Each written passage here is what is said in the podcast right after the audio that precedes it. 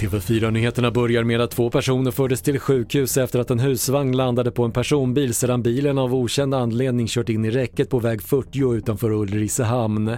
Skadeläget är oklart men enligt polisen var personerna vakna och talbara. Trots lägre elpriser fortsätter svenskarna att snåla med elen. Enligt siffror från de stora elbolagen är förbrukningen på ovanligt låga nivåer rapporterar SR och den låga förbrukningen hjälper till att hålla nere priserna menar analytiker.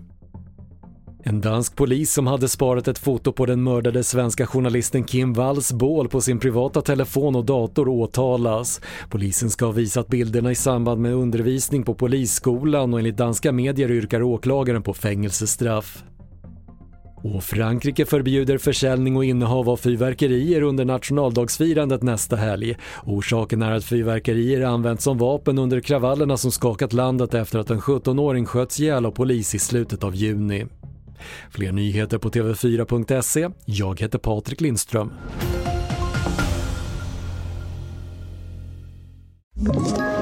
Ett poddtips från Podplay.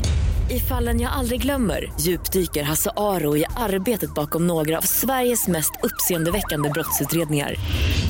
Går vi in med hemlig telefonavlyssning och, och då upplever vi att vi får en total förändring av hans beteende. Vad är det som händer nu? Vem är det som läcker? Och så säger han att jag är kriminell, jag har varit kriminell i hela mitt liv men att mörda ett barn, där går min gräns. Nya säsongen av Fallen jag aldrig glömmer på Podplay.